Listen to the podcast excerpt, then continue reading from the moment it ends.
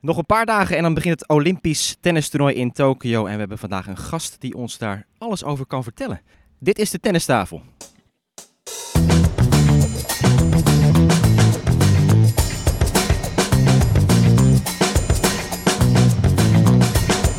Please take your seats quickly, ladies and gentlemen. Thank you.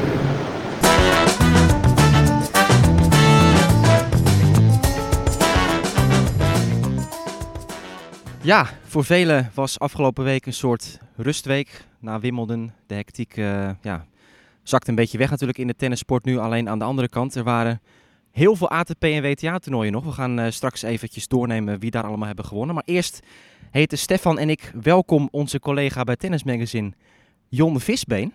Jon, jij bent de Nestor hè, van onze groep. Dat mag je wel zeggen, ja. Blij dat jij dat nu even voor mij overneemt. Normaal ben ik dat hier in die podcast. Ja, precies.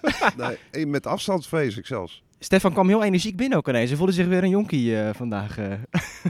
ja, Jon en ik trekken veel met elkaar op, al jaren eigenlijk. Hè. Alle Nederlandse toernooien gaan we vaak samen op pad. En dan doen we altijd een rondje en dan spreken we hier en daar heel veel mensen. En, uh, dat is altijd goed hè, om even temperatuur te meten daar. Ja, dat is zeker goed. Ik denk dat de basis toch is voor een Nederlands magazine. Dat je zeker de situatie in het Nederlands tennis een beetje op de voet volgt. Nou, dat proberen wij te doen. En uh, we doen ook als uh, interviews samen. En uh, dat gaat eigenlijk heel goed. Ja, en de oplettende luisteraar die mist natuurlijk de stem van David Avakian deze week. David was druk met andere zaken. Alleen deze aflevering staat vooral in het teken van de Olympische Spelen. En dat is voor namelijk de reden dat we jou ook hebben uitgenodigd, Jon, natuurlijk. Want jij bent drie keer erbij geweest hè, bij een Olympisch toernooi. Ja, ik, ik heb tien Olympische Spelen gedaan, waarvan drie zomerspelen en zeven winterspelen. En ik ben geweest in Seoul 88, Barcelona 92 en Atlanta, oftewel de Coca-Cola Games. Oh. En misschien weten jullie dat nog. Dat was uh, een 1-2'tje tussen het IRC en uh, Coca-Cola. Vandaar okay. dat Atlanta toen plaats van handeling was. hey, we leren alweer het nieuws gelijk. In 96, ja. Oké, nou dat komen allerlei mooie anekdotes uh, straks aan bod van die, uh, van die jaren. 88 was natuurlijk ja, het Olympische jaar, ook als we het hebben over de tennissport met uh, Steffi Graaf die de Golden Slam won. Dit jaar Djokovic die dat probeert te bereiken ook. Alleen eerst afgelopen week het Nederlandse tennis. Jon, je begon er zelf al over. Stefan natuurlijk ook heel erg daarop zittend. Veel gebeurd. Dutch Open finale, volledig Nederlands. Ja, dat was natuurlijk een droomfinale, heb ik het ergens uh, opgeschreven. En het is voor de organisatie natuurlijk, ja, het is een challenger toernooi, de Dutch Open. Ja, ze presenteren zich wel als we, we zijn de Dutch Open, het komt weer terug, wat vroeger een ATP-toernooi was. Uh, maar het is een challenger toernooi. En we hadden Tellen Griekspoor, de eerste geplaatste, tegen tweede reekshoofd uh, Botik van de Zandschulp. Dus dat was natuurlijk een gave clash. Ja, dat was een hele mooie clash, want dat zijn toch jongens die elkaar een beetje naar grotere hoogte stuwen op dit moment. En uh, eigenlijk had ik verwacht dat Botik dat zou winnen. Op basis van... Uh, op basis nou, van jouw, uh, jouw fandom, toch? Nou, Want jij hebt een aantal ja, jaren... Luisteraar weet dat niet, maar Jon is al jaren binnen de tennismagazine uh, de, de Van de Zandschulp adept. Hij is voorzitter van de fanclub. Bijna, kun je zeggen. Nee, ik heb het altijd wel in die jongen gezien, vanwege zijn tennis, wat hij kan spelen. Maar je weet, het is een totaalplaatje. En uh, ik denk dat uh, Tellen op dit moment zijn begeleidingsteam uh, beter uh, voor elkaar heeft. en ik denk dat Botik nog een beetje zoekend is op dat gebied. ze zeiden allebei dat het een, een, slechte wedstrijd was. Nou ja, goed, de eentje moeten winnen en dat, dat was Griekspoor. Heel duidelijk natuurlijk, hè, met 6-1 in de derde set. Maar die jongens die, die tikken tegen de top 100 aan en dat is goed om te zien. Nou, ik vond het ook wel een mooie clash, want ze, waren eigenlijk trainingsmaatjes. Ze, deelden een coach tot voor kort, Dennis Schenk, vanuit de Tennisbond. Dus ze waren eigenlijk met z'n drieën altijd op pad dan. Uh, Raymond Sluiters daarbij gekomen voor, voor Tellen, Griekspoor. En toen viel Botik wat meer buiten de boot, zo gezegd. Dus dat, dat ging niet zo heel lekker uit elkaar volgens mij ook. Nee, nee hoe dat precies in zijn werk is gegaan, dat heeft hij geprobeerd uit te leggen, moet ik. Uh, in een gesprek wat wij met hem hebben gehad uh, afgelopen vrijdag. Komt erop neer dat er eigenlijk een beetje met hem gesold is. Dat uh, Peter Lucas in eerste instantie was aangewezen om hem dat te begeleiden. Daar was hij heel blij mee. Maar die had weer een andere beslissing genomen om met een jonge Amerikaanse te gaan werken. En weg te gaan bij de bond. Ja, en nu moet hij dus uh, roeien met de riemen die hij heeft. En Michiel Schapers, good old Michiel, waar we zo uh, Olympisch ook nog even op terugkomen, die begeleidt hem voorlopig. Dus uh, Maar er moet, eh, er moet iets nieuws voor hem komen. En hij is op zoek. Bij deze is dan een sollicitatie eh, eh, meteen. Hij is op zoek naar een jonge, enthousiaste coach die hem kan begeleiden. Oh, ik dacht gelijk aan Sven Groeneveld, alleen die valt eraf. Nou, in mijn ogen is dat nog een jonge vent hoor. Oh, oké, ja. Nee, Ja, dat is, eh, zit wat in. En hij, en hij is beschikbaar, eh, zag Precies. ik eh, sinds Ja. een paar dagen geleden. Want met Taro Daniel, de Japanner, eh, ongeveer twee jaar samengewerkt. Die zijn uit elkaar. Ja. Dus Sven is beschikbaar. Nou, ik zei ook tegen Botik van, nou, hij heeft natuurlijk nu twee keer Grand Slam gehaald, tweede ronde. Dus hè, er er is wat ruimte zeg maar, in het budget. Dus je kan nu ook zelf wat rustig op zoek gaan. Door een eigen invulling. Je hoeft niet alleen maar afhankelijk te zijn van de tennisbond. En daar was hij toch eigenlijk wel wel teleurgesteld in. Hè? Want het vertrouwen eh, zit daar niet helemaal lekker. Hoe hij daar eh, met Dennis Schenk uit elkaar is gegaan. Eh, dus hij kan ook gewoon een privéroute gaan nemen nu. Ja, dat kan hij zeker. En hij hoeft ook niet, stel dat er niemand in Nederland beschikbaar is, kan hij natuurlijk ook over de grenzen kijken. Hè? Ja, want die coaching via de KNTB, is het dan zo dat dat helemaal dat wordt verzorgd voor Botik? Of hoe, hoe zit Ja, hij heeft een contract tot het einde van het jaar. Hij zegt, ja, dat dien ik gewoon niks uit. Maar dan hoeft hij niks te betalen voor zijn coaching? Of, Uh, eh, die inhoud weet ik niet precies. Nee, dat weet ik niet. Hoe dat zit. Maar ja, goed, Sven Groeneveld is natuurlijk wel iemand die eh, de hoofdprijs eh, vraagt. En Taro Daniel, voor de duidelijkheid, is een Japanner. Komt uit een ja, familie met geld, wat ik begrijp. En die hebben twee jaar samengewerkt. En ja, iemand die een beetje rond de 100 eh, staat, hè, iets in die richting. Ja, maar het is wel belangrijk. Ik zei tegen Boten van, kijk, als hij er kan zorgen dat hij volgend jaar sowieso hoofdtoernooi Grand Slam staat. Nou, dan heb je al gegarandeerd van vier keer een flink bedrag. Nou, dat, is wel, dat geeft ook rust, hè. Dus uh, kijk, nu naar, we hebben het over Botik, maar als je Tellen kijkt, die heeft gewonnen, die, die, stijgt naar 105. Staat deze week rechtstreeks in een ATP-toernooi. Nou, als je 105 staat, sta je waarschijnlijk hoofdtoernooi Australian Open. Nou, US Open misschien al. Maar je merkt ook wel dat, dat Tellen, die wordt ook wel internationaal opgepikt. Want hij heeft nu volgens mij zijn derde uh, challenger gewonnen ja, in dit klopt. jaar. Dus die komt echt wel op de radar ook, van internationale tennisvolgers. En ik lees ook wel eens berichten van mensen die dan zien, die zien hem spelen en denken van, goh, ja, het is toch wel een goede speler. En op de belangrijke punten dat hij het vaak natuurlijk uh, net niet heeft kunnen bolwerken nog in, uh, in eerdere wedstrijden. Nou ja, hij deed natuurlijk ook goed tegen Zverev op een grote baan op Wimbledon. Uh, ja, een maatje te groot, maar hij heeft zich daar wel in, in de kijker gespeeld. Ja, maar ik denk wat voor Griekspoor geldt, geldt ook voor Van der Zandschool. Precies hetzelfde. Dus uh, die jongens die, uh, die stonden um, ja, een jaar geleden om deze tijd stonden ze misschien 100 plaatsen lager. Hè? En dat is toch wel een hele stap die ze steeds zetten. Stel je voor dat die Dutch Open ATP-toernooi uh, was, geworden, was geweest. Dan was hij nu uh, de top 100 ingedon, ingeraasd werkelijk. Dat zie je aan Anderson, hè, die wint dan een ATP-toernooi. Staat, stond dus ongeveer dezelfde ranking en gaat naar 74. Dus het kan heel hard gaan. Ja, maar ook weer niet, hè? Want ik zei tegen ja, je had nu twee keer tweede ronde de slam. Ik, weet je, ik had verwacht dat je veel sneller zou stijgen. Hij zei, ja, maar als je kijkt, ik moet dan drie rondjes kwalificatie winnen. Dan win ik hoofd, heb ik 70 punten. Maar met zo'n challenger winst, zoals gisteren, is 80 punten. Wat is nou eigenlijk sterker, weet je? Uh, kwalificatie Grand Slam plus nog een keer hoofdtoernooi winnen. Dus dat, het is raar met het rankingsysteem. Nu ook in coronatijd. Dat gaat helemaal niet zo hard. Nee, is ook zo. Uh, maar even dat, dat verhaal Groeneveld rondmaken. Denken jullie dat dat serieus kan gaan, gaan werken? Ik, kijk, Sven is wel iemand die ook in het Nederlandse tennis vaak wel een soort inweg nog zoekt, uh, geloof ik toch, uh, Stefan? Dat hij wel graag meer het Nederlandse ja, tennis zou willen graag. doen. Ja, absoluut. Maar ik zie Sven toch meer werken aan de top al. Ik heb Sven nog niet uh, meegemaakt volgens mij dat hij een speler bracht van 100 naar 10. Maar wel binnen de top 10 en dan eerste slam winnen of eh, nog een paar stappen daarin maken. Dus Ja. hij met de absolute top werkt met een heel groot team om zo'n speler heen. Want Nou, Taro Daniel is ook is niet, ook niet echt... helemaal gel- van de grond gekomen. Nee. nou ja, precies. wat, nee, precies. Wat, eh, wat heeft hij dan bijgedragen aan, aan Daniel? Hè, kun je je afvragen. En eh, als je die lijn doortrekt, ja, wat zou hij dan eh, aan Botik kunnen bijdragen? Maar kijk, Boten komt eigenlijk nog maar net kijken hè, op het hoogste niveau. Dus hij kan wel gebruik maken van de ervaring die Sven al heeft. En een netwerk met goede trainingspartners, misschien een wildcard hier en daar. Ja, dat is ook natuurlijk een meerwaarde. Nou, eh, Sven Groeneveld heeft natuurlijk de grootste successen behaald, dacht ik, met, eh, met een aantal dames. En niet zozeer met, eh, met eh, heren. Nee, is ook zo. Klopt. Ja, zeker natuurlijk de afgelopen tien jaar voordat hij met Daniel werkte, alleen maar damestennis volgens mij gedaan. Sharapova en dat Adidas-team vroeger dat hij een soort hoofdcoach was, eh, ook eh, met, eh, met Anna Ivanovic daarin, onder andere. Wozniacki nog gedaan. Ja. Maar hij heeft wel met Michael Stie gewerkt, Greg Rosetsky. Maar die waren toen al top 10. Nou ja, goed, dat gaan we in de gaten houden. Er was meer Nederlands succes op de ATP-tour. Sander Arens en David Pel, die hebben in, in Borstad gewonnen. Hè? Een mooi plekje in Zweden is dat. Ja, mooi voor die gasten. Allebei knaloranje shirt aan. Eh, ze speelden weer samen. Ze zijn een tijdje uit elkaar. Een beetje, ja, ik weet niet, andere partners. En nu hebben ze allebei hun allereerste eh, ATP-titel gewonnen in het dubbelspel. ATP 250. Eh, het was wel de vierde finale al voor Sander uh, Arends. Maar de eerste voor David Pel op dit, op dit niveau. En dan samen winnen. Ja, ik, ik, ik heb er kippenvel van voor die gasten. Dat is toch mooi?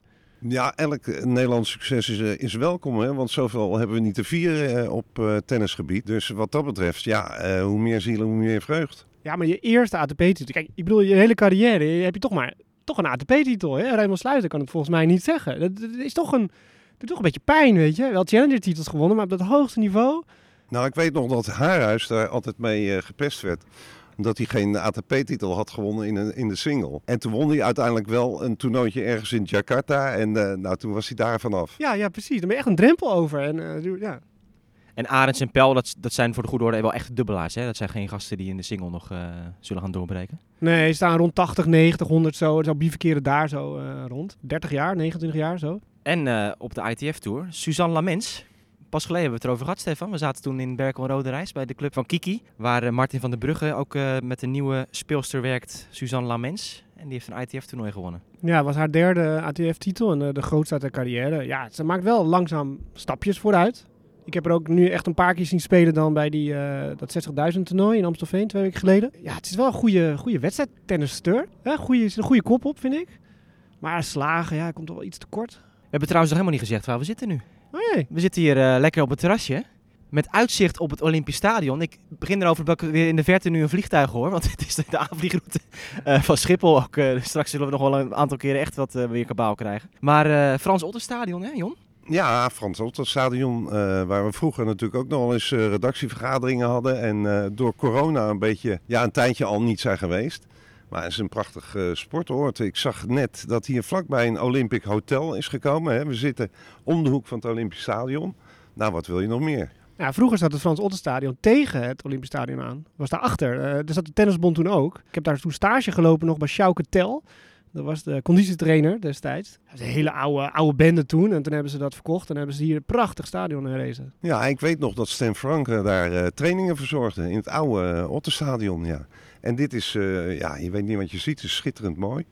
Ja, ik, goed, ik heb zelf het Olympisch Stadion. Dat zat Eurosport jarenlang ook gevestigd. Uh, mijn eerste jaren van 2012 tot 17 of zo, denk ik. Dat uh, elk jaar, of elke keer bij het Olympisch Stadion konden we daar werken met Eurosport. Dat was natuurlijk geweldig. Er zaten die commentaarhokken en, en, het kantoor. Maar die zijn ook naar Hilversum allemaal verhuisd. Alleen, ja, dat is natuurlijk wel bijzonder dat je op zo'n plek weer bent. Het blijft natuurlijk gewoon ook uh, voor ons een uniek, uniek monument in de, in nou, het is een monument en het is, ja, de, de, enige Olympische Spelen die we ooit hebben gehad, die zijn in 1928.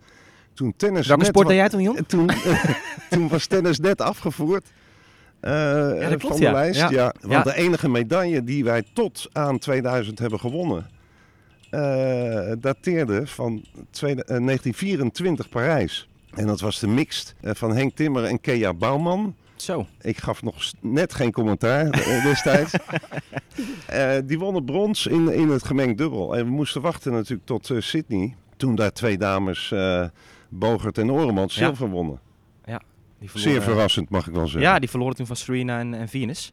En ehm, ja, En dat, was, ja. dat was voor iedereen het hoogst haalbare, uh, heeft Christy ook wel eens gezegd. Dat als je gewoon de, de finale haalde, dan wist je al van ja, Serena en Venus, dat is eigenlijk gewoon niet, uh, niet te doen. Dat was in, in 2000. We komen straks bij de Olympische Spelen. Eerst even terug op afgelopen week, want ja, het is ongelooflijk hoeveel toernooien er zijn gespeeld. Je begon al over Kevin Anderson, uh, Jon, die, die wist te winnen. Ik moet even erbij pakken het hele lijstje, want ik heb het ook niet in mijn hoofd zitten allemaal. Hamburg bij de mannen, Pablo Carreño Busta. Anderson in Newport op gras. Bij de vrouwen had je Praag, daar won Barbara Krejcikova. Kasper Ruud won in Borstad. Tamara Zidansek won in Lausanne. En Julia Putintseva won in Budapest. Dus dat was een heel, uh, heel rijtje. Ja, ik wil toch wel even Krejcikova aanhalen nog. Want wat die toch dit jaar allemaal laat zien, dat is echt niet te geloven. Roland Garros kampioene. Heeft nu 20 van de laatste 21 wedstrijden gewonnen. En die gaat maar door. Die, die blijft er gewoon week in, week uit doorspelen. Het had natuurlijk niemand kunnen bevroeden van tevoren dat, dat deze dame uh, sowieso Roland Garros won. Maar dan nu ook weer een toernooi waar, waarin ze van de dubbelpartner wint. Nee, dat, ja, ja, klopt. Ja, in de kwartfinale was ze ervan. Ja, ja. Siniakova. Ja, als je er ziet spelen, dan zie je er eigenlijk uh, niet aan af dat ze zo goed is. Zo komt het op mij over. Ja, ben ik met je eens. Maar ja, gewoon geen fouten maken is volgens mij tegenwoordig het devies bij, uh, bij de vrouwen. Uh, en een beetje sturen. Ja. Maar ik vind het ook leuk dat Sidansik het goed doet. He, die deed Roland Garros natuurlijk goed. Halve finale. Ja, ja, dan zie je toch dat je die vorm dan doortrekt op dat gravel. Ja, maar goed, Krejcikova heeft dus Wimbledon eh, gespeeld, vierde ronde van Barty eh, verloren. En ja, ze wilde gewoon zo graag in Praag, in eigen land nu kunnen spelen om te laten zien dat ze, dat ze die stappen heeft gemaakt in haar ontwikkeling. En een jaar geleden stond ze nog buiten de top 100 bij dat toernooi. Dus ze wilde gewoon heel graag voor het eigen publiek spelen. Terwijl ze ook nu naar Tokio gaat. Natuurlijk in het enkelspel ver kan komen, maar zeker ook in die dubbel met Siniakova. Eh, ja, het is, het is waanzinnig hoeveel- wedstrijden die speelt en dat ze nog niet, dat ze nog niet omvalt. Want Roland Garros won ze ook in de dubbel natuurlijk met Siniakova. Dus dat is toch wel. eh ja, je kunt je afvragen of ze, ze stond natuurlijk bekend als dubbelspecialiste. Je Absoluut. kunt je afvragen wat zij daar aan gehad heeft van die single. Dat zou best wel eens heel veel kunnen Ja. geweest zijn. Ja, en, en het was natuurlijk ook een soort plan B wat er altijd nog was voor haar, die dubbel. En vorig jaar toen was die coronacrisis, stond ze buiten de top 100 in de single. Gewoon jaren al buiten de top 100, eh, nooit door kunnen breken. En ze zei van, nou ja, ik, ik ga het gewoon nog één keer proberen in die single. En anders heb ik die dubbel nog. En als je natuurlijk die ontspanning zo ineens kan loslaten bij jezelf, van niet meer die, die ultieme drang van ik moet het halen. Ja, dat heeft haar gewoon eh, in één keer helemaal losgemaakt, joh. Dus het is toch weer het mentale aspect. Ja, maar ik denk ook als je veel dubbelt, dan gaat het om een paar puntjes. Hè? Juice beslissende punt en zo. Dus ik denk voor je mentale hardheid dat dat ook Ja, heel goed is. En die grote prijzen had ze al gewonnen in de dubbel. Dus je zag nu ook gewoon in die single-toernooi, als het spannend werd...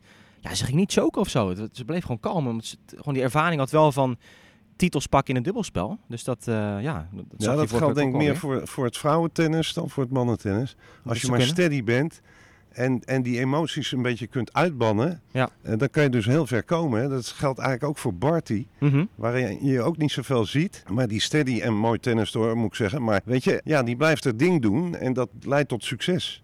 Ja. Ben jij wel eens bij de Hall of Fame geweest, Jon? Daar ben ik een keer geweest. Oh ja? In Ja. Newport. Ja, en dat is best mooi, moet ik zeggen. Ja, het is al even geleden dat ik daar geweest ben. In de jaren negentig een keer. Eh, ja, dat is wel bijzonder. Het is sowieso een bijzondere plek. Eh, je komt eh, door een straat en dan heb je ineens een, een grote gesloten poort en, en een muur. En je gaat door die poort en dan kom je in een walhalla van tennis. Helemaal authentiek en eh, heel oud, moet ik zeggen. Ziet het eruit, zeker voor Amerikaanse begrippen. En dan hebben ze een prachtig muse- museum bij. Er is ook jaarlijks een ATP-toernooi op gras. Eh, ze hebben er een museum bij en elke, elk decennium, eh, daar is een eh, aparte kamer voor. En je komt binnen en dan gaat er een video spelen. En, Ah ja. Ja, het is, het is wel de moeite waard. Ja, en er ligt zo'n grasbaantje met, met dat gebouw echt zo als een soort cirkel eromheen. Hè? De, de horseshoe, de, de hoef, het hoefijzer, noemen ze dat? Dat, dat Ja. baantje wat daar ligt. Ja, dat klopt. En ehm, ja, dus daar werd vorige week dat toernooi ook gespeeld. En er is elk jaar dan weer zo'n ceremonie van nieuwe mensen die daar worden eh, toegevoegd aan die Hall of Fame. Dit jaar waren dat de Original Nine, de dames die de WTA hebben opgericht eh, in het verleden. Met natuurlijk Billie Jean King als belangrijkste uithangbord. Je weet trouwens dat we een Nederlandse winnaar hebben gehad. Hè? in Peter- Newport. Peter Wessels Peter heeft, Wessels. heeft zijn enige ATP-titel daar gewonnen. Van wie in de finale? Weet je? Dat weet ik niet. Weten we niet meer. Nee, dat, eh, Zoeken we op. Peter Wessels. Eh, ja, Conchita Martinez in die Hall of Fame. En Goran Ivanisevic werd ook toegevoegd. Eh 20 jaar na zijn Wimbledon-titel van 2001. Wat natuurlijk echt, eh, ja, blijft, blijft magisch. Dus ja, dat was ook interessant. Verder hebben Stefan en ik inmiddels de documentaire bekeken van Naomi Osaka. Die ja, echt met bombardie werd aangekondigd. Op Netflix staat hij. Vrijdag is die gepubliceerd. Een miniserie, drie afleveringen van een beetje tussen anderhalf uur en twee uur. Hè? De totale In speeltijd. totaal, ja. eh, ja. ja. Ja, Jon, jij moet hem nog zien, hè, geloof ik. Dus dat, eh, Ik ben er nog niet aan toegekomen. Wat vond je ervan, Stefan? Ja, ik werd er eigenlijk een beetje verdrietig van. Ik kreeg een beetje een neerslachtig gevoel toen ik hem zag. Mhm. Ja, ik wist dat we hierover gingen praten. Dus ik dacht van ja, ik ben in Nederland opgevoed. Ik ben wit, 43 jaar, als man. Wat moet ik nou oordelen over een Japans meisje van 23 geloof ik nu, 22? Is best wel moeilijk, weet je. Ik kan niet in haar huid kruipen. Maar wat me meteen opviel was dat die ouders, die wilden twee kinderen om ze tenniskampioen te maken. Dat stond eigenlijk al vast. En dan denk ik, ja, ik heb ook een dochter, die is bijna 14. Nou, die mag echt wel bepalen wat zij wil. En ik kan daar niet in dat je dan kinderen dan van tevoren al het pad gaat bepalen. En toen ze drie was, moest ze al met haar zusje stond ze al dagenlang op die tennisbaan. Dus dat vond ik wel verdrietig. En Nou, eigenlijk wordt- hetzelfde, als, als, als de vader ja, daar moest ik ook aan denken. Tuurlijk, het lukt dus wel kennelijk. Dus als, we, als je ambities hebt met je kinderen, het kan kennelijk. Het is allemaal maakbaar. Maar toen werd er dus al geleefd door haar ouders, want er was een plan. En dat wordt ze nog steeds. Ze was twee dagen in eigen huis en ze was gewoon bang alleen. En vo- volgens mij kan ze dat ook helemaal niet. Ja, ze had zo'n nieuw huis in Los Angeles, Ja. inderdaad. Daar ging ze toen voor het eerst overnachten. Maar ze wordt geleefd met modeshows, met aankleden, met fotoshoots. En haar manager die maar van alles op eraf gooit. Ze is continu bezig met van alles. Maar eigen tijd is er niet. En dan denk je, ja, dan kan je wel de pers de schuld geven wat, dat wij jou zo benaderen, waardoor je daar eh, depressief en emotioneel voor wordt. Maar volgens mij zit er veel meer in het directe omveld wat mis, of kan het verbeteren, waardoor ze meer ja, tot zichzelf kan komen. Ja, eh, dat is natuurlijk een heel toestand met haar geweest. Ik kan me niet voorstellen dat het uit haarzelf komt dat ze zegt: ik, word, ik krijg te veel druk van, van de pers. De, en dan praten we over tennismedia, hè? niet over anderen. Dus aan de ene kant zegt ze: Nou, dat doe ik niet meer, die eh, persconferentie. Aan de andere kant staat ze op de cover van Time. En dan denk je: Ja, dan moet je één lijn trekken, dan moet je dat ook niet doen. Nou ja, kijk Jon, dat, dat is het verhaal van Stefan ook. Ik, ik, ik, ik werd echt, ja, ik, ik vond het gewoon bijna chockerend en, en overweldigend. Zeker die eerste aflevering. Want die eerste aflevering gaat ontzettend over het imago van, eh, van Naomi. Hè? En, en eh, gewoon de marketingmachine die ze is, Ja. precies, het merk. En, en je ziet alleen maar beelden van, oh ja, en dan wordt ze weer opgetuigd. Het is gewoon een soort pop. Een, een soort pop die wordt geleefd. En ehm, ze gebruikt ook meerdere keren in die documentaire dat zij zichzelf een soort vessel noemt. Dus een soort, ja, een, een, ja, zij wordt dus gebruikt, zegt ze indirect. Als, dus enerzijds door haar ouders, want die verwachten van dat ze, dat ze dit en dat presteert. Anderzijds door eh, het hele managementteam eh, die, die, die haar in die dingen allemaal, allemaal duwen. Ja. En kijk, voordat we die documentaire zagen, we weten allemaal eh, natuurlijk hoe vaak Osaka dingen op social media plaatst. En dan heeft ze weer een deal met dat en met zus. En met- dat is, het is niet te filmen. Dat elk onderdeel van haar leven heeft ze wel een soort sponsorship eh, aan, aan vasthangen. Van drankje tot, eh, tot, tot kleding, tot, eh, tot voeding, et cetera. En dat zie je dus inderdaad zo terug in, die eerste aflevering. Dat, oh ja, we hebben nu weer een shoot dit en dat. Nou, dan staat ze daar weer als een soort, ja, Ja, maar ze ondergaat ook al. Ja, ze ondergaat het zonder, emotie. Ja. En, Ja. en dat ik echt denk van, dit- ze vindt het, ze vindt het gewoon verschrikkelijk. Ja. Ze vindt het helemaal niet leuk. Ik moest heel erg aan Avicii denken. Ik heb die documentaire ook gezien. En dat zijn, zijn manager, die, die, die ging maar door. Ging Ja. maar door. Ging maar- En Ja. Avicii was gewoon doodziek. Maar nog steeds moest hij, werd hij Ja. opgetuigd om nog een showtje te Ja. geven. Maar hij wilde het helemaal niet. Daar moest ik heel erg aan denken toen ik de eerste aflevering van Osaka eh, zag. Die documentaire. Later nou, veranderde dat beeld iets. Ging ook iets meer over tennis. Maar goed, ze tennis dus eigenlijk om, om de rest allemaal te kunnen blijven doen. Nou, in, in eerste, ze zegt dus in eerste instantie, ze tenniste ook omdat ze gewoon wilde, eh, de, de ouders wilden ze gewoon financieel onafhankelijk maken. Dat heeft ze nu in feite eh, gedaan natuurlijk. Dus, dus daar zit ze ook met een soort gevoel van, ja, en nu? Eh, de volgende stap. Maar dat, dat meisje, zij, zij moet zichzelf nog ontdekken. Ja. Dat is gewoon wat blijft, hang- blijft hangen Nou, bij, voornamelijk bij mij, ik weet denk je. dat het tijd wordt dat ze zelf de bes- beslissingen gaat nemen en dat die niet voorder worden, worden genomen. Want ik denk ook wat er voorgevallen is voor Roland Garros of tijdens Roland Garros, dat dat misschien ook niet eens de eigen beslissing is geweest. Nee, ik, ik, ik vond ook wel eh, de, de inkijk die je echt kreeg, vond ik redelijk beperkt. Ik, ik vond het weinig dat ze echt zelf verhalen vertelde en van wie is ze nou eigenlijk, weet je wel. Nou ja, dat is misschien weer. ook 1 en weer 1 is dat. 2, want Ja, dat, dat was zit er blijkbaar misschien nog niet. helemaal geproduceerd dit ook. Ehm, ja, en, en die, die, die rol van die vriend vond ik eh, een beetje vaag. Dat wordt ook helemaal niet uitbelicht van, eh, weet je, hoe is die band nou tussen die twee? Eh, dat is trouwens een van de rapper ook, eh, die jongen. Die ken ik verder ook niet zo goed. En in, in alles is het van, alles wordt gewoon ge- gestuurd van, oké, dan moet je dit doen, dan moet je dat doen. Het is een shot van Wim Vicette, de nieuwe coach, op de trainingsbaan. Die zegt, nou, we hebben nu nog twee weken te trainen en dan gaan we dit en dat doen. Goed, dat is dan nog een tennisaspect. Dat is logisch misschien dat je dat aan je coach helemaal overlaat. Maar het zijn allemaal van die stukjes dat je alleen maar terug ziet komen van haar wordt verteld wat ze gaat doen en wat er op het programma staat. Het is niet van, oh ja, de komende tijd heb ik zin eh, daar en daarin. En eh, Ja, maar jij- uitzondering is natuurlijk wel dat hele verhaal met die Black Lives eh, Matter. Ja, dat was haar eigen precies, ja, dat- dat mondkapjes heel sterk ze zelf bedacht. Ja. Dat was echt sterk. Ja. Maar ja, het is, ik, ik vond het echt... ehm, Maar ze zei wel, want in, in de Japanse cultuur, dat weet jij veel beter dan ik, want jij bent er vaker geweest, dat vrouwen wel soort van in de schaduw staan van de man. ja, ja. En dus die hebben een andere rol dan wij hier in de, west, eh, in Ja. de westkant hebben. Maar ze is natuurlijk op de derde leeftijd is in Amerika gegaan, Ja. dus eigenlijk daarop gevoed. Maar dat Japanse kwam, vond ik dan heel erg naar voren dan in haar, in haar karakter. Ja, vooral de trots wel op Japan. En ehm, dat- hè, dat is natuurlijk ook dat, dat verhaal, want het was een verhaal dat ze misschien voor Amerika zou gaan spelen of zo. En ze zei van, nou, dat is nooit aan de orde geweest. Ik heb altijd mijn, eh, mijn Japanse paspoort eh, eh, op één gezet. Ehm, maar ja, die moeder is Japans, die vader komt uit Haiti. Zij is inderdaad opgegroeid in Amerika, dus ja, echt, echt Japans is ze natuurlijk niet. En dat is ook natuurlijk de kracht van haar merk. Dat ze die hele wereld zo, eh, zo aanspreekt en in deze tijd, eh, feministisch en Black Lives Matter en heel die wereld. Dus iedereen wil ook wat van haar. Maar ik, volgens mij, zij heeft gewoon, zij heeft gewoon nooit nee gezegd. Ja, je je? moet je die, manager komt met alles, denk, dat, dat zie je ook niet letterlijk. Maar als je ziet wat er voor druk, eh, althans dat wordt geportretteerd, dat ze constant met dat soort dingen bezig is. En dat kan je ook wel een beetje de- doorleiden als je, als je haar volgt op social, wat ze allemaal voor verplichtingen heeft. Volgens mij is ze gewoon doodongelukkig. Ja, En dan heb je 100 miljoen op je bankrekening, maar doodongelukkig zijn. Ja, Dus Ja. Dat is toch erg? Omdat, omdat je niet meer bezig bent met iets wat, wat je hobby was en wat, eh, hè, je, het tennis. Ja. Want het draait om heel andere dingen. Ehm, ik vind ook dat hele politieke gedoe. Ja, moet je dat nou wel of niet willen als sporter? Sommigen maken zich daar heel hard voor. Eh, Lewis Hamilton is er ook een voorbeeld van. Maar wij hebben al vroeger altijd geleerd: je moet politiek en sport scheiden. Dat kan natuurlijk niet. Dat kan helemaal niet. Maar je ziet nu dat alles een beetje aan het doorslaan is. Ja, en ik denk als zij dat zelf heeft eh, gedaan. Eh, net als eh, Coco Gauff, hè, over, over die eh, Black Lives Matter. eh, en ja, dan moeten ze dat zelf weten, maar niemand vraagt het van ze. Hè? Nee, maar dat is natuurlijk wel sterk als het uit jezelf komt, als het, als het je zo raakt. Je ziet die beelden en je Ja, denkt van, tuurlijk is dat ik- sterk. ik moet hier iets mee. Eh, dat, dat, dat is wel een, een krachtig Ja. eigen Ja, initiatief. maar- Maar En- niemand deed het ook uit de tenniswereld. Dus ze hadden nee, ook het gevoel en, van, en het dat, moet zij, dat zij op Innieuwel zegt van, eh, toen al die sporten besloten van we gaan nu een dag niet sporten eh, uit protest, dat zij ook gewoon in er eentje ehm, die stap zette in de tenniswereld van nou dat ga ik ook doen.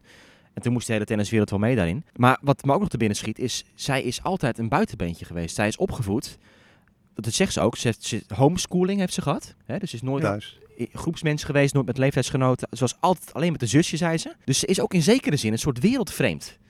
En dat was ook in het begin toen ze op die tour kwam en ze moest speeches geven. Ja, ze, ze wist zich totaal geen houding te geven. En dat was de charme van Osaka ook een beetje. Dat, dat, dat, dat, eh, dat pure en dat, dat onwetende. En eh, ja, heel, heel leuk allemaal. Alleen volgens mij is daar ontzettend veel van geprofiteerd dus door mensen om haar heen. Ja, maar Ja. ze zei ook letterlijk, volgens mij is dit nu wat 22-jarigen doen. Ja, precies. Volgens mij dat, zitten ja. die nu een beetje zo in hun ja, levensfase. ja, ze had het Ja. over, over studeren, Studeren en en zo. ja. zo. Het is toch wereldvreemd, wat Klopt. je zegt inderdaad. En, en ze wordt, het wordt overal naar getrokken. En dat is, ja, ik, ik kan me dat goed voorstellen dat als jij zo'n beetje zo, zo'n zo'n leven hebt gehad en zo bent opgevoed en van nature introvert bent, ja, dat je helemaal gek wordt op een gegeven moment. Ja, nou ja, hopelijk komt ze eruit hè? En, en gaat ze zich meer, en meer, meer richten op het tennis. Ja. Want ze kan verschrikkelijk goed tennissen. Ja. Maar eh, door, En al het- die, ja? ja, door al die toestanden eromheen vraag je je af, ja, waar, waar gaat dit naartoe? Hè, wat, wat, wat moet dit meisje? En ook die mode, hè? dat is ook zoiets. Want dan zei ze ook van ja, dat laat ik gewoon aan mijn zus over. Mijn zus die speelt een beetje met mij van hoe ik me moet kleden en zo. Dus ook dat is, daarin is ze weer gewoon een object. Ja. In plaats van een eigen eh, iemand die, die, die dat soort keuzes maakt. Hm. Ja, maar mijn basis is altijd van, je moet toch gelukkig zijn. Mhm. En dat heeft niks met financiën. Ja, natuurlijk. Ja, geen geld maakt ongelukkig, maar geld maakt niet per se gelukkig. Weet je? Nee. Zorg dat je gelukkig bent, wat je doet.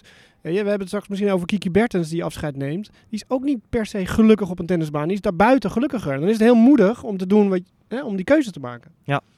Maar ja, kijk, het is wel, het is, het is gewoon inherent, is het wel gewoon een goed mens. En, eh, en dat is ook gewoon een beetje haar valkuil, denk ik. Dat ze dus daar allemaal maar in meegaat. Oh ja, ja, ik ben nu nummer 1. Nou, dan zal ik wel 84 sponsordeals nodig hebben, weet je wel. Zo gaat het nou eenmaal. Ik denk dat ze zo een beetje in die, in die, in die gedachte zit.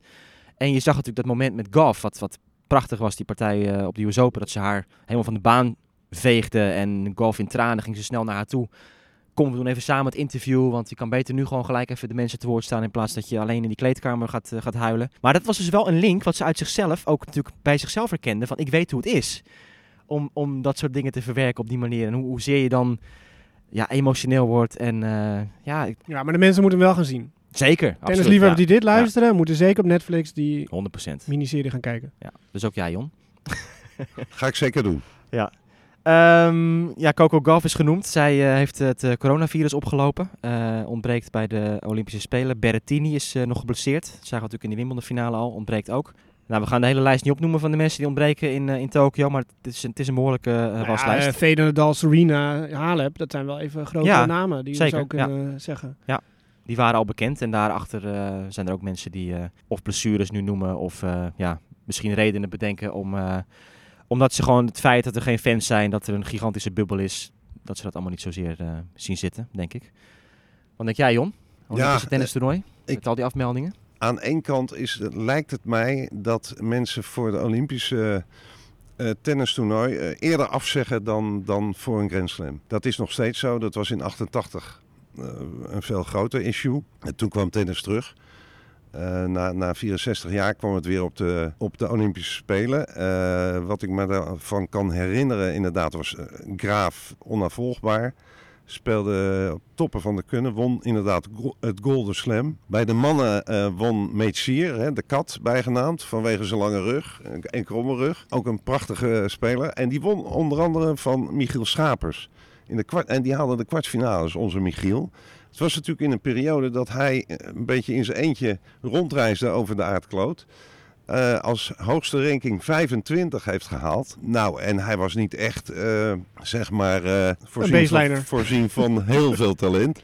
Maar het was een doordouwer en een doorzetter. En dan zie je weer dat je toch een eind kan komen. En Michiel haalde de laatste acht en verloor van de uiteindelijke winnaar, daar, Metsier. Maar ja, Olympisch tennis hing er een beetje bij. Ik was daar naartoe voor de Olympische Spelen. Het jaar daarvoor, in 87, had je de waanzinnige 100 meter eh, finale gehad in, in Rome, WK Atletiek. Want jij was het toen voor de Telegraaf. Ik was er voor de Telegraaf, ja, ja klopt. En, maar tennis was toen ook, het was weer een soort eerste introductie, hè? Een soort weer een soort demonstratiesport. Dat was Nee, nee, het was in 84 Oh, demonstratie. 84. Oh, sorry, 88 En was 88 de. was ja. het weer officieel. Voor Oh, het was het officieel, eh, ja. ja, was het tennis. Eh, was het officieel. Ja. Dus ja, we het was de eerste keer in 60 jaar of, of eh 64 jaar dat het weer officieel erbij was. Ja, Ja, was het. eh, ik geloof Stefan Edberg dat de demonstratie toen had gewonnen in 84. Wat me bijstaat. Eh, maar dat was allemaal nog niet officieel. Maar Metsier en Graaf waren dus weer de eerste Olympische kampioenen na een hele lange tijd. Was jij daar toen ook met, ehm, met die term Golden Slam? Bestond die term toen al? Ja, die, bestond, nou, die is toen ongeveer eh, uitgevonden. Omdat dat, daar werd al wel over geschreven. Graaf zou misschien dit en dat. zou misschien, eh, eh, weet je, de, de, de, slam, de Grand Slam kunnen halen. Vier toernooien in één jaar. En, als, eh, ja, en er moest natuurlijk een term aan vastgegooid worden. En eh, dat werd toen Golden Slam. Dat stamt uit die periode. Maar jij hebt hem niet bedacht. Ik heb hem niet bedacht, nee, nee. Maar je wilde vertellen over atletiek. Ja, atletiek was natuurlijk eh, de grote eh, eh, tweestrijd tussen de Canadees, moet ik erbij zeggen, Ben Johnson en de Amerikaan Carl Lewis. Nou, dat, Lewis was natuurlijk de man, weet je, en die Ben Johnson was een vierkante Canadees die een beetje stotterde. La- Een beetje snoepte. eh, later begrepen waarom die stotterde. Maar die won, eh, had in Rome gewonnen. En daar werd natuurlijk rijkhalsend naar uitgekeken in Seoul. Wat zou er gebeuren? En die Johnson won weer. En drie dagen later bleek dat hij positief eh, was bevonden op eh, verboden middelen. Nou, je, begrijpt wat er dan gebeurt. Eh, de hele internationale media stond op zijn kop. Ik werd ook uit mijn bed gebeld, s ochtends om zes uur. Van ja, Johnson positief, medaille ontnomen. Nou ja, maar goed. De Olympische Spelen stonden in het teken van atletiek voor mij. En tennis was mijn tweede sport. Zo, zo moet je het zien. En, en dat was eigenlijk vier jaar later ook nog zo. En hoe zat het met andere Nederlandse journalisten? Dat was een beetje hetzelfde systeem. eh, dat, dat tennis was, was erbij. Ja, weet je, we, we hadden destijds, de tijd van Okker lag al ver achter ons. Eh, we hadden Michiel Schapers in de rond te lopen en er kwamen wel wat jo- jonkies aan. Eh, Brendan Schulz kwam eraan en eh, Richard Krajicek, Siemerink. Maar dat was allemaal nog eh, in de beginfase. Ja. Die waren daar ook niet aanwezig. Eh, en in 92 lag dat natuurlijk een beetje anders. En in 96, eh, toen hadden we de hoogtijdagen. Maar op Olympisch eh, niveau, eh Krajicek had er al helemaal niks mee. Eh, die had ook niks met Davis Cup eigenlijk. En die had ook niks met die Olympische Spelen. Schenk Schalken bijvoorbeeld ook niet. Waar zit hem dat dan in? Ja, dat is. eh, ik weet niet wat, wat dat precies is. Kijk, wat je nu ook ziet, de Olympische Spelen in Nederland. Tennis is dan eh, onderdeel, de tennisbond van Team NL, eh, als grootste bond. Hè? Maar Olymp wij hebben eigenlijk geen Olympische traditie in tennis. Tennis draait om vier Grand Slams, daar gaat het om. Hè? En dan komt er de hele tijd niks. En dan heb je Davis Cup en je hebt die Masters Series uiteraard. Maar eh, tennis als Olympische sport heeft niet de traditie die andere sporten Maar hebben. dat wordt dus ook niet langzaam, zeg maar, meer, meer, meer. Of wel? Of hoe zie je dat? Ja. Kijk, Want Demi Schuurs wil niks liever dan een gouden medaille winnen. Ja, het is ook persoonlijk. Hè. De een, die, eh, Robin Hazen ook, die ging er graag naartoe. Weet je, Demi Scheurs wil het graag meemaken. Kiki Bertens heeft er volgens mij ook niet al te veel mee. Dat is puur persoonlijk. Het fietst eigenlijk door het hele seizoen heen. Want ja, eh, het moet ergens gepland worden. En dat komt die tennissers eigenlijk nooit uit. Dus het is al heel snel dat mensen zeggen... nou, als ik hier een pijntje heb, eh, de groeten, daar doe ik niet aan mee. Maar het ligt ook wel aan de cultuur, toch? Van het land. Want ik heb het idee, hoe meer oostelijker je komt, hoe meer het leeft. Kijk, Ja. ik, bijvoorbeeld die Tsjechische speelsters. Nou ja, dit is natuurlijk waanzin wat, wat een eh, groep die hebben. Maar die, die willen er allemaal super graag heen. En een, een die, eh, die, die viel net buiten de boot. Ja, die was extreem teleurgesteld. Want die wilde niks liever dan het land te vertegenwoordigen. En dat willen ze allemaal daar. Ja. Krejcikova, hè, nu net genoemd, die, wil, die, die gaat er ook naartoe. En een Djokovic, ja, dat is een van zijn primaire doelen altijd wel geweest om, eh, om een keer goud te kunnen winnen. En, eh, ja, maar dat, dat, ja. dat heeft te maken met... eh, de cultuur van het land. Ja, ook. eh, maar ook het gebrek aan cultuur. Het heeft te maken met communisme. Hè? Het eh, communisme wat, wat eh, in het Oost, vroegere Oostblok, ik bedoel, ehm, dat hebben ze altijd vastgehouden. Je kon in, bijvoorbeeld in Oost-Duitsland, als je een gouden medaille won, bij de Olympische medaille, ja, dan kreeg je dus eh, een trabant. En je kreeg een, eh, een vakantiewoningje als, eh, als beloning. Want eh, voor de rest, ja, eh, het, was een communistisch systeem.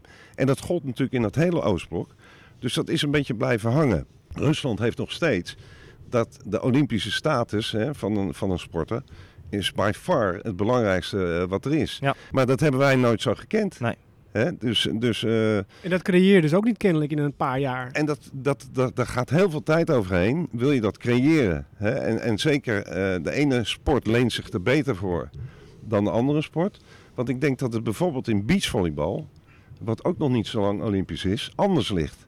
Maar tennis om een of andere reden, of golf, eh, dat, dat wordt die associatie met Olympische Spelen, belang, eh, meedoen is belangrijker dan winnen, hè, is het adagium. Ja, daar hebben ze niet zoveel Iedereen mee. Bovendien, liever Wimbledon dan een gouden plak. Alle Bovendien, ze kregen geen Nou, punten. niet alle Ze- tennissers, nee. Ze kregen destijds helemaal geen punten. Ze kregen geen geld. Eh, weet je, er waren ook natuurlijk... Zij zijn prof. Ze moeten in tien jaar tijd moeten ze geld Ja. bij elkaar eh, tennissen. Nou, dat kon daar dus niet. Ja, dan moet je wel vanuit je hart heel erg Olympiër zijn... Mhm. om toch naar die Spelen te gaan. Maar even Jon, even de, de persoonlijke eh, anekdote eh, doos. Eh, 88, Seoul, 92 Barcelona. Ja, 92 Barcelona stond in het teken van Elle Verlangen. Hè. Die won de 800 meter atletiek. En eh, ja, dat, dat eh, overschaduwde eigenlijk alles. Tennisgebied weet ik nog dat we speelden eh, aan de, moet ik even goed zeggen, aan de westkant was een eh, Olympisch eh, tennispark eh, opgetuigd. Dat stond geheel in het teken van eh, jongens als Bruguera en dat soort, Mhm. dat soort mannen. Maar er ging een hele vreemde vogel, won het uiteindelijk. Mark Rosset, een, een Zwitser, een la- hele lange Zwitser. Mark Koevermans hadden we er onder andere die daar speelde voor Nederland. Die bakte er niks van eigenlijk en, en niemand. Maar een jaar later was dat hetzelfde terrein waar wij de legendarische Davis Cup wedstrijd wonnen tegen Spanje. Dat was hetzelfde park. Dat was, ja, dat was Val dezelfde- Bron. ja, Val de Bron. Dat was precies hetzelfde park. En eh, dus wat dat betreft, dat is mij meer bij- bijgebleven dan het Olympisch tennis een jaar daarvoor. Ja, ja, oké. En bij de vrouwen, wie was toen de beste? 92? Eh, volgens mij was dat Capriati, hè? Die, eh, ja, Jennifer Capriati, die won van Graaf in de, in de finale. Had ook niemand voorzien. Eh, dat werd trouwens op gravel gespeeld. Ja. Terwijl het meestal hardcourt was. Hè? Seoul was hardcourt. Maar Barcelona en Londen waren de uitzonderingen. Londen was gras. Dat waren de uitzonderingen. Verder is het allemaal hardcourt geweest. Maar toen Graaf in 88 won, daar heb je ook al een verhaal over gemaakt. Ja, daar ik, heb, ik wel, daar heb ik wel even bij stilgestaan. Maar ja, dat vrouwlijn voorhand. eh, maar die kon natuurlijk alles eh, op dat moment. Hè. Die was de toppen van de kunnen. En eh, ja, was toch wel een mooie speelster om te zien. En toen de Coca-Cola Games. Dat moet je nog even, even uitleggen. Ja, nou Coca-Cola had de headquarters in, in Atlanta. En ehm, waren altijd al een belangrijke sponsor geweest van het IFC. En ja, de geruchten gingen toch wel dat het een beetje handjeklap was. Ehm, eh, toen de genomineerde steden werden genoemd. Dat het daar wel heen zou gaan. En dat is ook gebeurd. Ik heb nog, een- nog een, een bom, een bom eh, ging er nog af in het Olympic Plaza, kan ik me nog herinneren. Eh, ja, dat moesten allemaal, werden we geëvacueerd. Het waren wel de Amerikaanse spelers. Het waren ook Amerikaanse winnaars. Agassi won het. Eh, die Het had waren toch geen Coca-Cola flesjes waar het hard mee was hier. je werd met cola werd je, om je oren gegooid. En McDonald's en eh, hè, grote sponsors. Het waren de gezonde games. Waren het. Ja, hele gezonde games. Ja, en het is de gemiste kans geweest van eh, ons werelddubbel, hè? Elting Haarhuis. Ik weet nog dat ik daar op deadline zat. We hadden, ik weet niet, acht, acht uur tijdsverschil. En zij speelden smiddags de halve finales tegen de Woodies. Oh, hè? ja. De, de, de twee Australiërs. Woodbridge, Woodford. Woodbridge en Woodford, ja. En dat waren grote rivalen in die jaren. En eh, nou ja, het was de kans voor Elting Haarhuis om eh, Olympisch goud te halen. En dat wilden ze dolgraag. En die wedstrijd... Dus zij wilden dat wel. Sorry? Zij wilden dat dan wel toen graag. Ja, Eh, zij het Olympische- heel graag. ja. Maar dat was ook de enige keer hè, dat ze zei van nou, en nou gaan we ervoor. Hè, want ze hadden het via daarna ook nog kunnen doen. Maar dat, eh, en vier jaar daarvoor, maar dat, eh, dat was eh, van minder belang. Nee, daar moesten ze pieken en daar moesten ze toeslaan. Nou, toen ontspon zich er een wedstrijd. Ik zat op deadline voor de krant. Hè. Je, had, eh, deadlines eh, natuurlijk s'avonds om tien uur, half elf, dat die krant dicht moest voor de volgende ochtend. En dat werd een derde set en er kwam geen eind aan. En ze kregen een. een ik, ik had, we hadden net mobiel foontjes van die, van die kleine dingen, maar natuurlijk verder niks. Dat was het dan, dus ik kon wel communiceren direct. Maar ze kregen In nog een beetje- 96 zat je al met een mobieltje? eh, ja, toen hadden we de eerste mobieltjes, ja. Ja. Eh, ik weet nog goed dat, dat ze, een, ze kregen een matchpoint, ik meen op 13-12. Ik denk, nou, ze gaan het redden. En dan gaan ze de finale winnen ook. Die verspeelden ze en toen verloren ze met 16-14. Was de, ik zeg, jongens, eh, een korter stukje maken, want ze hebben net verloren. Ja. Nou, zo ging dat toen. Ik kon zelf niks meer tikken, want we hadden geen tijd meer. Ja, ja zo ging dat. En we hadden natuurlijk geen internet nog of eh, dat soort dingen. Dus eh, ja, daarna, was daarna hadden ze niet meer zo energie voor die eh bronzen plak. Nee, dat mag je wel zeggen. Ja. Die hebben ze eigenlijk laten schieten, want dat, dat gold niet voor ze. Ze gingen alleen voor goud. Toen verloren ze, ik meen, van de, van de Indiërs. Van Paas en Bupati. Oh ja. Ja, Maar dat, dat snap ik op dat moment wel. Maar ik denk dat je dat toch wel blijft knagen dan later in je carrière. Of als je gestopt bent. Van, "Hmm, die bronzen plak was misschien toch. Want je wint brons en je verliest goud als je zilver wint. ja, Ja. ja. ja. dat, eh, je moet, als je nu naar ze toestapt en je zegt, zullen we het nog even over Atlanta hebben, 1996, dan worden ze niet echt blij. Nee, ja goed, het is wel leuk met die podiums inderdaad. Als je dat goud en zilver, en zeker met tennis of andere sporten, als ik echt nog een wedstrijd heb voor het brons. Dan zie je die prijsstrijken en dan is er vaak net de, de gouden me- medaillewedstrijd geweest. Dus zie je die zilveren zo helemaal van balen natuurlijk. En die brons helemaal super blij. Ja, Ja, eindigt met een win. Ja, precies. Ja. maar, maar het is heel, je moet je voorstellen, het is heel vreemd, want je, je, je gaat dus naar een tennistoernooi als onderdeel van de Olympische Spelen. Ja. Dus je ga, we gingen dan naar Stone Mountain Park, zo heette dat. En dat was eh 40 kilometer rijden. En dat was dan deel 1 van je, van je reportage die dag. En als je klaar was daar, dan ging je naar het volgende evenement. Hè? Of dat wielrennen was. Of... Dus het was tennis als onderdeel van een veel groter geheel. En dat maakt het anders. Ik vond een WK atletiek ook mooier dan het Olympische toernooi. Omdat het alleen atletiek was. Hè? Eh, Wimbledon is alleen tennis. Dus ja, het sneeuwt ook een beetje onder in het grotere eh, geheel. Ik kan me herinneren dat bijvoorbeeld eh, in Korea, in Seoul, dat, dat er een, een, een vechtpartij in de boksring was. Nou, daar ging alle aandacht naartoe. Weet je, de rest sneeuwde volledig onder. Dus het ging twee dagen over een, ik geloof een Koreaan zelfs, die vechtend en die had verloren. En die ging nog even een potje narammen tegen die eh, tegenstander van hem. Nou, dat was natuurlijk, dat kon helemaal niet.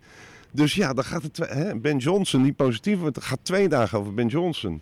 En de rest sneeuwt dan op dat moment totaal onder. Maar Agassi won bij de mannen in 96. Dat, dat was wel een moment. Ja, en Lindsay Davenport bij de, eh, bij Ja, de ja. vrouwen. Dus de- en zeker voor Amerika, eh, hè, waar, eh, waar op elke hoek ongeveer een Amerikaanse vlag staat. En die wapperde nu bovenaan. Ja, dat was natuurlijk... En dat was eigenlijk, moest dat ook wel een beetje. Omdat het in Amerika was. En tennis was nog niet zo'n Olympische trekpleister.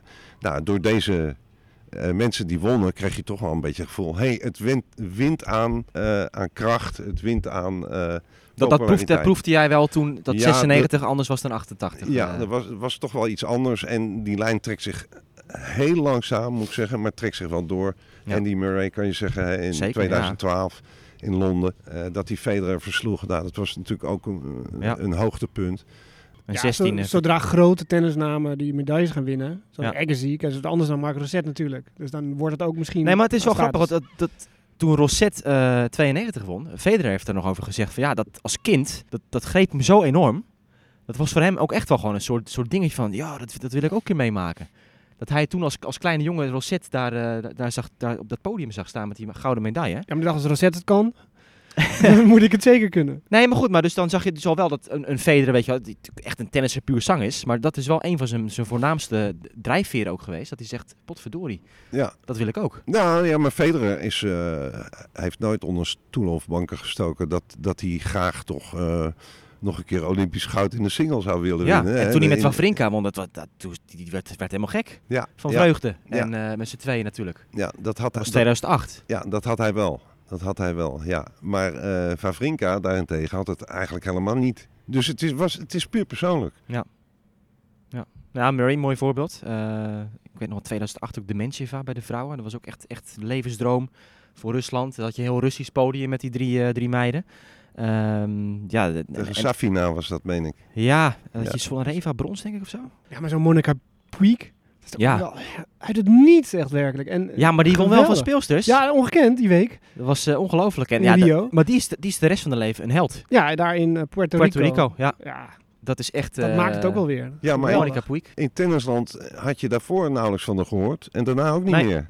Klopt. Dus dat is een uitzondering. Ja. Dat is echt een, een, een, een vreemde overwinning, laat ik het zo zeggen. Ja. Uh, bij die andere weet je gewoon van, oh ja, nou die staan er volgend jaar wel weer. Hè? Of uh, bij een of andere Grand Slam. Maar bij haar is dat dus niet gebeurd. Maar in Agassi ook, volgens mij Agassi, die, die dat in het boek nog geschreven, dat het Olympisch goud, dat is gewoon het moment uit zijn carrière geweest. Weet je, boven de slams winnen of, uh, of, of, of, nummer 1 zijn. En um, ja, Leander Pace, weet je, die won volgens mij brons in de single. 96. Ja. ja, die zegt ook, dat, dat, is, dat is voor mij, dat, dat heeft mijn carrière gemaakt, weet je wel. Zijn vader was Olympier en uh, zijn moeder volgens mij ook. Ja. En uh, ja, al die dubbelspeltitels, het is allemaal prachtig. Maar dat, dat Olympische gevoel en, en plak winnen voor zijn land, ja, dat staat boven alles. Dus het is wel leuk hoe die verschillen dan toch een beetje er, er zijn. Ja, die zijn er zeker. Beleving. Die zijn er zeker. Del Potro, voor Del Potro is het volgens mij ook heel belangrijk ja. geweest altijd. Klopt, ja. Hè, maar, maar er zijn spelers ja, die, uh, die overwogen niet eens om erheen te gaan. Nee. En ook goeie, hè? Dus, dus echt toppers. Mm -hmm. nou ja. dus, nee, daar heb ik niks mee. Dus hoop voor Kiki Bertens, hè? als Monica Puig zo gaan uh, zo afscheiden. Ja, het wordt het laatste toernooi, hè? Definitief haar laatste toernooi. Ja. Heeft ze aangekondigd. Ja, dan moet Suzanne Lamers maar in de voetsporen gaan treden vanaf volgend jaar. Nou ja, jullie lachen erom, maar uh, toen Bertens kwam, hadden we ook nooit kunnen bevroeden dat ze nummer 4 van de wereld zou Zeker worden. Niet. Nee, dat is waar. Want puur technisch gezien en, en dat soort dingen, hè, als je daarnaar kijkt, is zij niet, ze is geen Barty. Hè. Het is niet iemand die het komt aanwaaien. Het is iemand die door hard werken daar moet komen. En ik dat, denk dat Lamens precies hetzelfde heeft. Die heeft dan nog een extra handicap dat ze vrij klein van postuur is. Maar die toch ook, in tegenstelling tot veel van die andere meisjes, uh, die blijven hangen, zie je toch bij haar ook voorzichtig, maar ze is op de goede weg, heb ik de indruk. En de, weg is lang, maar ze hebben de bereidheid, dat had Bertens toch, ondanks alle uh, dingen die, die ze zei van de grote stadions, en, maar ze had de bereidheid om daar alles voor te doen. En ik heb de indruk dat voor Lamens datzelfde geldt. Nou, ik zie er in de single uh, niet iets uh, echt pot te breken, maar in die dubbel met Demi, nou ja, ik zie daar wel een medaille. Uh, Demi, die, die, die, die komt met iedereen ver. Dus ja, daarom. Die, die, die, ja, dat is, dat is gewoon echt een van de beste speelsters ter wereld in het dubbel op dit moment. Het staat buiten kijf. Dus dat, ja, afwachten wat de loting doet natuurlijk ook uiteraard. Um, ik vind het een beetje vreemd dat ze dan in de aanloop daar naartoe niet samen niet, spelen. Niet samen een toernooi hebben, hebben gespeeld. Ja. Al is het maar één toernooi. Weet je, dat je toch weer even aan elkaar uh, mm -hmm. kan wennen en, en afspraken kan maken. Ik weet, misschien weten ze alles van elkaar hoor, dat zou best kunnen. En ze hebben in het verleden natuurlijk wel vaker uh, samen gespeeld. Maar ja. ik zou dan zeggen, ja, als je het zo belangrijk vindt, uh, probeer ergens een week te vinden dat je toch... Mm. Ja, Nicole Melker, de, de, vaste partner van Demi Schuurs, deed dat wel. Die speelde even met de Amerikaanse... In Madrid, ja. Ja, dus dat had het misschien gekund. Maar ja, maar goed, de fysieke gesteldheid liet het misschien niet toe dit jaar. Nee, dat ze kennen elkaar natuurlijk. Ze hebben het toernooi gewonnen. Ze hebben Rosmane de finale gestaan volgens mij. Dus, ja. En Demi verloor de, de finale van Berlijn van Sabalenka Azarenka. Wat natuurlijk een gevaarlijk koppel was. Maar die gaan sowieso niet meer spelen, want Azarenka die ontbreekt. Dus ja, goed, die Tsjechische meiden zullen denk ik een grote bedreiging zijn. En uh, verder een beetje afwachten maar. Nou, de vraag is natuurlijk in hoeverre uh, Bertens zich uh, kan herstellen. Of, ja, of, dat is ook of, zo. Je, weet je, want, want wat ze dit jaar heeft laten zien is nou niet om, meteen om te zeggen van nou... Uh, hè, daar word je blij van. Nee, maar ik denk wel een dubbel is wel heel anders. Als ja, maar ze worden wel drie onderdelen. Misschien ook nog mix erbij. Drie onderdelen in een week. Ja. Dat is wel pittig. Ja, ja dat, is, dat is heel pittig, ja. Hey, we zitten trouwens nu al meer dan een uur op te nemen. En er is geen één vliegtuig overgekomen. Terwijl in de voorbereiding vlogen er volgens mij drie en vijf minuten. Goed getimed. Ja, Ja, ja, alle vluchten naar Tokio zijn inmiddels geweest natuurlijk. Dit is, uh, ja, Ja. We zitten nu in de rust, uh, rustfase. Er zullen wel een rare spelen worden trouwens in uh, Tokio. Zo. Zonder publiek en eh, met al die Ja, voorzorgsmaatregelen. treurig, Denk je niet? Tuurlijk. Ik vind wel, zeker bij de Olympische Spelen, dat vind ik wel het meest, het meest treurige evenement om daar geen fans bij te hebben. Zeker ook voor die sporters die ja, één, één keer in de vier jaar echt, echt in, het, eh, in de spotlight staan. Kijk, voor een tennisser, die, die is het al gewend bij zo'n spreken. Maar ja, Ja, 100 zo'n meter sprint. in Ja, zo'n leeg stadion. Maar Ja. ik heb gehoord, het gaat om 12 miljard geloof ik aan eh, sponsoring en Zo. dingen die ze moeten terugverdienen. Anders, of terugbetalen en zo. Want ja, de inwoners van Tokio zitten er helemaal niet op te wachten. Nee. Ze willen hem helemaal niet. Nee, wordt klopt. echt door een, een strot geduwd. En ik denk, ja, voor wie doe je dat nou eigenlijk? Ja, het is al een jaar te laat natuurlijk. Ja. En, en had je er dan niet van moeten afzien? Eh, ja, je weet niet wat er allemaal bij komt kijken. Het is een gigantische klus om zoiets van de grond te tillen. Eh, er zijn natuurlijk stadions ge- bijgebouwd. eh, weet ik wat allemaal. De infrastructuur zal zijn aangepast. Er komt zo ontzettend veel bij kijken. En als je dan moet zeggen tegen zo'n organisatie... Nou, jammer jongens, het gaat helemaal niet door. Eh, ja, die, die beslissing stel je zo lang mogelijk uit. Ja, en aan de andere kant is het ook zo, als jij natuurlijk echt een Olympisch atleet bent. Je hebt voor vorig jaar getraind. Dat werd een paar maanden van tevoren volgens mij gecanceld vorig jaar, dacht ik. Toen ging het naar dit jaar. Dus die mensen die echt voor die ene piekprestatie in vier jaar trainen, die hebben dat één jaar moeten verplaatsen. En stel dat het nu weer wegvalt, ja, dat is ook wel een gigantische klap. En Ja, stel, het zou je enige speler zijn, weet je Ja, wel. sommigen ver- verlengen hun carrière nog even met een Precies, jaar om ja. nog maar die spelen mee te kunnen maken. Dus die groep, dat is, moet je Snap ook niet wel. onderschatten. Ja. Ehm, Voor tennissers maakt het niet uit. nee, Er zijn natuurlijk genoeg eh, roeiers, of eh, you name them, Ja, hè, precies. eh, kanovaarders, die afscheid wilden nemen in, in eh, 2020 hè, van hun Olympische carrière. Ja, dat is ze dan niet gegeven, dus gaan ze een jaar langer door. Maar als ze dan nog, nog een keer drie jaar langer door moeten gaan, dat is ze misschien niet gegeven. ik denk Maar dat we... Kijken ja? we er nou uit, naar het Olympisch tennis toernooi? Gaan we de wekker zetten s'nachts? Nou, ik wel. ik moet wel. Ja, jij geen commentaar erbij. Ja, het is live sport. Oh, oké, eh, ja. ja. En maar, ja, ga je er nou anders in dan een gewoon toernooi voor jou? Ja, ja ik, vind het wel, eh, ik vind het wel uniek. Ik vind het wel heel gaaf. Ik, ik vind het wel echt eh, bijzonder. Ook natuurlijk gewoon, ja, het Djokovic-verhaal natuurlijk heel groot. En, en Osaka vind ik heel, heel boeiend om te zien of zij dat, ehm, hoe ze daarmee omgaat. En ja, ik, ik vind het gewoon één keer in de vier jaar. Het blijft uniek. En het maakt toch emoties los in spelers. Ik weet niet of het nu iets anders zal zijn zonder die fans. Maar ik, ik kan nog zo goed herinneren dat Djokovic van Del Potro verloor in Rio eerste ronde. Ja, die was gewoon ontroostbaar op de baan. Super emotioneel. En eh, nou, zo'n verhaal als Puig, of, eh, of, of ja, dat- dat- ik vind, ja, de Olympische dingen, die, die zorgen toch voor andere momenten vaak. eh. ja, ik vind het mooi.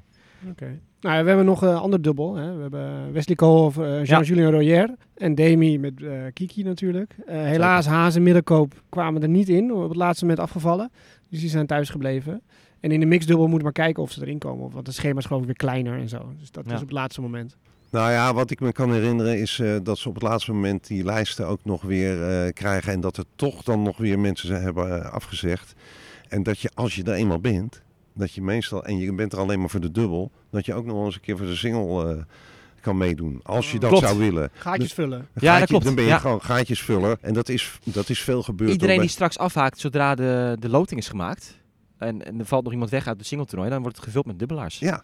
Ja, dat wordt opgevuld. Ja. Dus, dus als je er eenmaal bent, dan ben je eigenlijk eh, al heel ver. En En- lachen zijn Royer en een bronzen plak. ja, ja. Brons in de single, maar niet in de dubbel. Ja. Dus Alleen, eh, ja, er zijn wel nog een paar positieve gevallen al geweest, hè? Om, om af te sluiten. Er Ja. zijn al een paar sporters positief getest. Ja, dus, eh, drie dacht ik.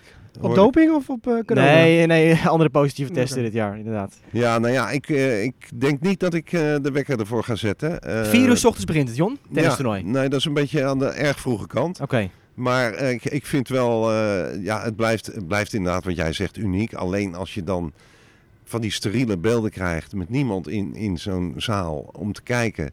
Dat, eh, geen gejuich, geen gejoel, geen, weet je, dat, dat geeft Ja. nou juist dat extra cachet. absoluut. En ja. zeker een Olympisch stadion met 70, 80.000 man. Ik zou het wel sneu vinden, stel een Djokovic pakt die goud, weet je wel.